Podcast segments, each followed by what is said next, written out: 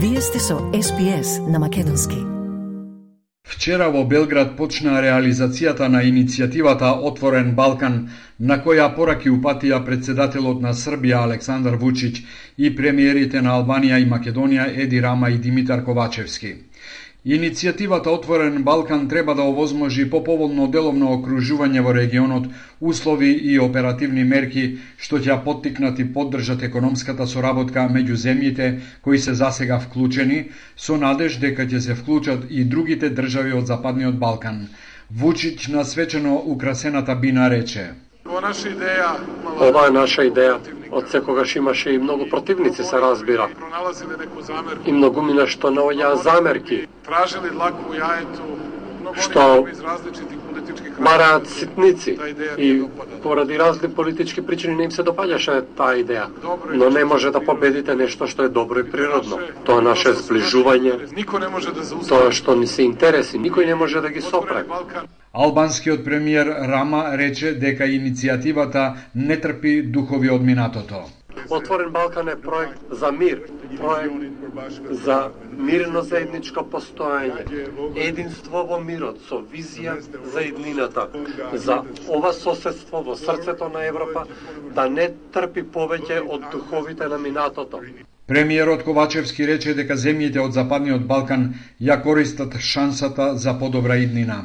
Отворен Балкан денес покажува што значи интеграција, олеснет пристап, практична примена на политика на отворени врати и на добрососедство. Ковачевски денеска ќе разговара со Рама за проблемите на македонците во Албанија, кои се жалат на тивка асимилација и на притисоци да се запишат како бугари на пописот што треба наскоро да се одржи во Албанија.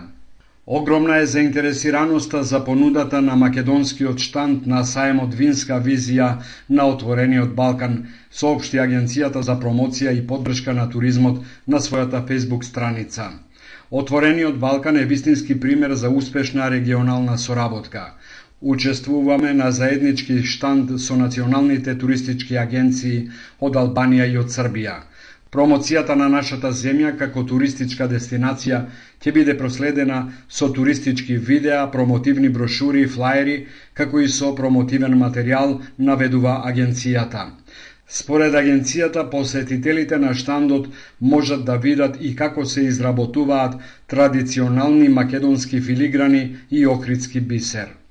Најдоцна за месец и пол ќе биде решено прашањето на архиереите на православната Охридска архиепископија ПОА на владиката Јован Вранишковски, кој своевремено беше назначен за архиепископ од страна на Српската православна црква во Македонија.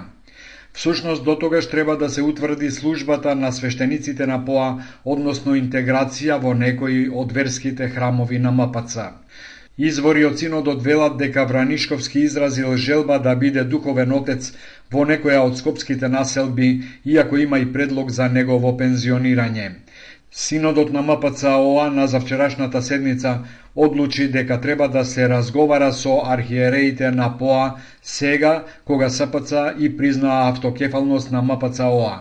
Тоа значи дека автоматски престанува постоењето на ПОА затоа што две паралелни цркви од иста вероисповед не можат да обстојат на иста територија. Намерата на МПЦ и на СПЦ е да се најде најбезболен начин на интеграција на свештенството на ПОА во редовите на МПЦ-ОА, а тоа се предпоставува дека ќе биде решено врз основа на договор со клирот на ПОА. Од вчера почнаа да се применуваат мерките за штедење електрична енергија во државните институции, што ги воведе владата како антикризни мерки со оглед на високата цена на струјата.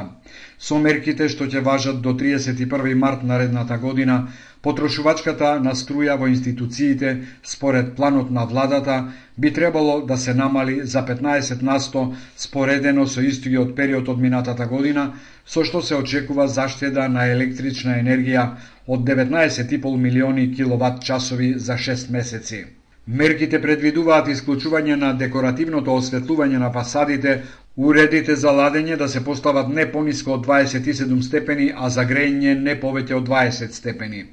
Светлата и компјутерите задолжително ќе се исклучуваат по завршување на работата, осветлувањето на јавните патишта ќе се намали до минимален сигурносен обем. Владата соопштува дека максимално е зголемено производството на електрична енергија и дека цената на струјата за граѓаните е субвенционирана. Домаќинствата за сметките за струја плаќаат 20 на 100, а 80 на 100 од цената се субвенционира од страна на државата. ВМРО ДПМН обвинува дека заради недоволното производство на струја, стопанството губи по 1 милион евра дневно. Марија Митева на пресконференција рече дека македонските фирми сега плаќаат и до 800 евра за мегават час, а енергетските капацитети со моќност од 400 до 500 мегавати стојат неискористени. Имено, од вкупниот инсталиран енергетски капацитет од 2100 мегавати, заради криминалот и неспособноста на власта, искористени се само 1600 мегавати. Македонија губи 500 мегавати, што во вкупна цена е и до 6 милиони евра. Со реакција се јави СДСМ. На пресконференција Коле Чаракчиев ги повтори тврдењата на владата. Домакинствата за сметките на струја плаќаат само 20%, а 80% од цената на струјата се субвенционира од страна на државата, што е клучно за поддршка на стандардот на граѓаните во ваква криза. Околу 255.000 основци и средношколци вчера ја почнаа новата учебна година. Министерството за образование се уште ги нема објавено официјалните бројки за запишаните првачиња. Неофицијално бројот се движи околу 18.000, што е за околу 3.000 првачиња помалку од лани. Тоа не е за изненадување ако се земе предвид дека само во Штип во училиште се запишани една третина помалку деца од минатата година. Слична е состојбата во Гевгелија, Кичево, Делчево и Тетово. Бројот на првачињата во изминатава деценија постојано опаѓа. Според податоците на Државниот завод за статистика, не само што секоја година се намалува бројот на новородени деца, туку дополнително се намалува и бројот на запишаните на училиште, главно поради иселувањето во странство.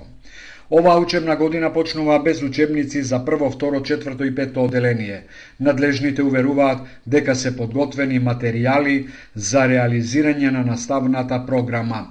Учебниците според новите наставни програми се во различна фаза на одобрување и додека ги добијат, учениците од овие одделенија ќе учат од соодветни материјали во кои се разработени содржините од првото три месечие. Мону верува дека не се работи за скрипти, туку за квалитетни и креативни материјали и учениците ги добиваат бесплатно. Министерот за образование Јетон Шатири очекува учебниците да бидат готови пред почетокот на второто полугодие.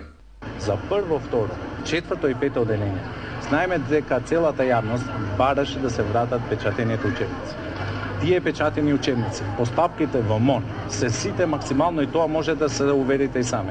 Значи, Националниот совет за учебници е формиран во месец февруари. Тие имат е, направено повик за автори, аноними автори за учебници. Некои од учебниците од Националниот совет веќе се одобрува. Неизвестно е и како ќе се греат училиштата во зимскиот период. Централната и локалната власт велат дека работат на проблемот. Со новиот почеток на учебната година, повисоки плати ќе добијат вработените во образованието. По постигнатиот договор со синдикатот, септемвриските плати ќе им бидат повисоки за 15 на 100.